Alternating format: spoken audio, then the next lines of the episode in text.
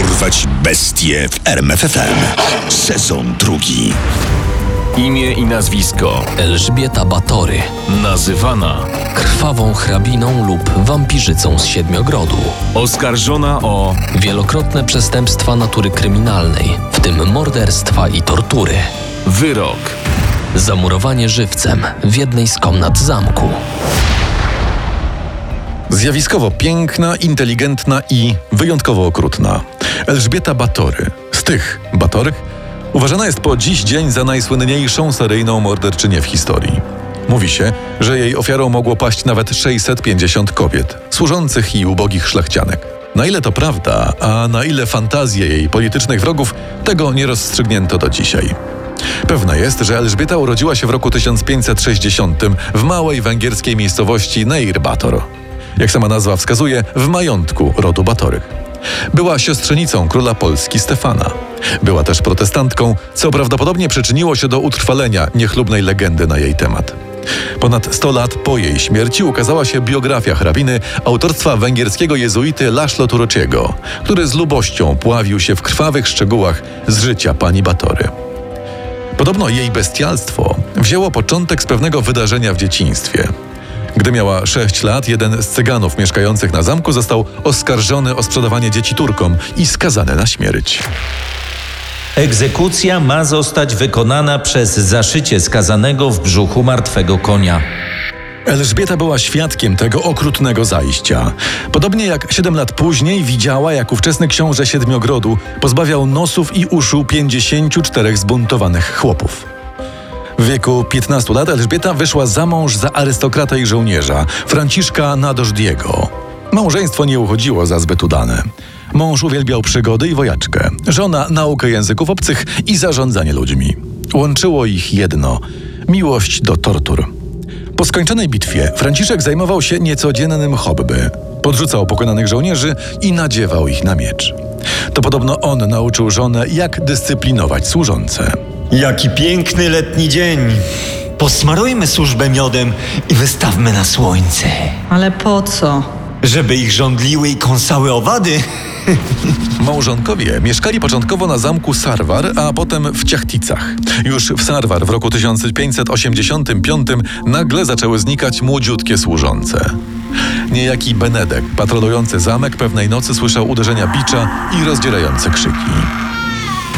Przysięgam, to trwało z sześć godzin, e, dopóki Elżbieta nie odkryła mojej obecności.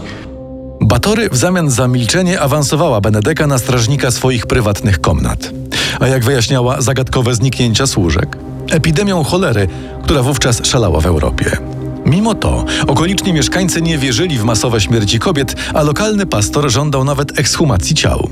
W roku 1604 mąż Elżbiety, Franciszek Nadożdi, w niewyjaśnionych okolicznościach zmarł. Historycy odkryli, że prawdopodobnie tuż przed śmiercią był nacierany rtęcią. Ta swoista kuracja, która w większości przypadków kończyła się śmiercią pacjenta, miała mu pomóc zwalczyć kiłę, jakiej nabawił się w Turcji. Czy Elżbieta wiedziała o chorobie wenerycznej męża i czy pomogła mu rozstać się ze światem? To nie jest wykluczone. Po śmierci męża męczarnie, którymi hrabina poddawała służbę, tylko się nasiliły. Powstała nawet specjalna izba tortur w lochach zamku. Elżbieta zatrudniła też kilka osób pomagających jej w tym niecnym procederze, w tym przede wszystkim uchodzącą za czarownicę Annę Darwulię i Karła Ficko.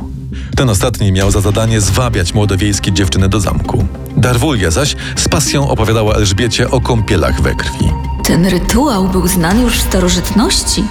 Nic tak nie odmładza jak kąpiel we krwi dziewic. Pewnego dnia Elżbieta Batory zrozumiała, że coś w tym może być. Podczas rozczesywania włosów hrabiny służąca zbyt mocno pociągnęła szczotkę. Co robisz, idiotko? Na Elżbietę trysnęła krew kobiety. Gdy hrabina ją zmyła, dostrzegła, że jej skóra stała się jakby delikatniejsza, jakby gładsza. Okazało się, że Anna Darwulia mogła mieć rację. W izbie tortur wkrótce więc pojawił się nowy sprzęt. Zawieszane pod sufitem klatki z ostrymi kolcami w środku. Gdy klatki były rozbujane, kolce wbijały się w ciała nieszczęśnic, a ich krew rozpryskiwała się prosto na zażywającą kąpieli Elżbietę lub spływała do wanny specjalnymi renami. To oczywiście była tylko jedna z tortur. Do tych mniej wymyślnych należały kara chłosty czy okaleczanie. Do bardziej zaszywanie ust nieposłusznym szwaczkom czy oblewanie ich wodą i wystawianie na mróz. Gdy Elżbieta była w wyjątkowo złym humorze, bo ktoś nienależycie pościelił jej łóżko lub za wolno podał śniadanie, potrafiła przypalać pokojówkę i kazać jej zjadać przypalone kawałeczki ciała. Świadkiem jednej z makabrycznych scen był miejscowy ekonom. Gdy wszedłem do komnaty, na podłodze klęczała córka szewca. Miała rany na palcach u rąk, od wbijanych w nie noży.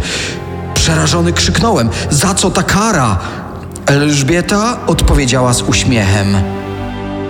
Następnym razem się nauczy, jak robić równe ściegi. Do perwersyjnych zwyczajów hrabiny Batory należało także wsadzanie zapalonych świeczek w części intymne służących oraz posługiwanie się rozgrzanymi, zaostrzonymi szczypcami do rozrywania ciał. Po pewnym czasie coraz trudniej było ukryć tortury i zbrodnie. Zamkowy podziemny korytarz przeznaczony do grzebania ofiar szybko się przepełnił.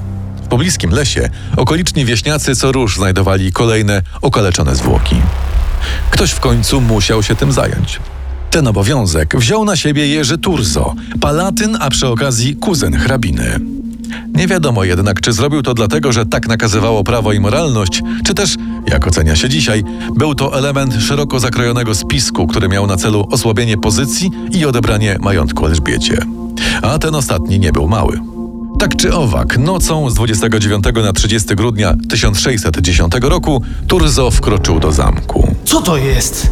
To jakaś koszmarna sala tortur. Elżbieta Batory oraz jej najbliżsi poddani zostali aresztowani. W momencie, gdy Turzo zajmował zamek, Darwulia właśnie zajmowała się jedną ze służących. Ja tylko leczę jej rany. Nie widzicie, że zaatakowało ją dzikie zwierzę? Kilka tygodni później, 2 stycznia 1611 roku na zamku w Bytyczy rozpoczął się proces. Z miejsca stał się wielką sensacją, nie tylko lokalną. Na salę sądową ściągały tłumy, które z zapartym tchem śledziły rozwój wydarzeń. Każdy chciał zobaczyć na własne oczy wampirzycę z Siedmiogrodu, jak nazywano Elżbietę. Jej najbliższa służba została oskarżona o wampiryzm i czarnoksięstwo. W podziemiach zamku znaleziono mnóstwo ciał, na których widniały ślady tortur. Zwłoki wystawiono na widok publiczny, by mieszkańcy mogli zobaczyć, jak zginęli ich bliscy. Fu, czarownica! Będziesz wisieć, wiedźmo! Elżbieta nie przyznawała się do zarzutów. Co ciekawe, jej samej nie oskarżono ani o kąpiele we krwi dziewic, ani o magiczne praktyki. Stało się tak prawdopodobnie dlatego, że w razie posądzenia o czary majątek szlachcianki zostałby skonfiskowany przez Kościół. A nie tego pragnął Turzo, zajmujący zamek Elżbiety. Postawiono jej za to zarzut wielokrotnego morderstwa i znęcania się nad służbą. Wątpliwości budzi fakt, że Elżbiecie nie pozwolono zeznawać. Nie przedstawiono też żadnych bezpośrednich dowodów na jej zbrodnie. Jej współpracownicy byli poddani okrutnym torturom. Dwóm z towarzyszek hrabiny, Ilonie Yu i Dorocie Sentesz, po kolei wyrwano paznokcie i spalono je żywcem. Czworo wspólników Elżbiety w zeznaniach podało liczbę ofiar hrabiny wynoszącą od 30 do 60 osób. Piąty świadek ujawnił prawdziwą sensację. Znalazłem w jej komodzie rejestr. Według niego zabiła. Zabiliśmy jakieś 650 osób. Wszystkich oskarżonych z wyjątkiem Elżbiety skazano na karę śmierci. Natomiast węgierską hrabinę, jako wysoko urodzoną, na zamurowanie żywcem w jednej z zamkowych komnat, posiadającej jedynie otwór do podawania jedzenia.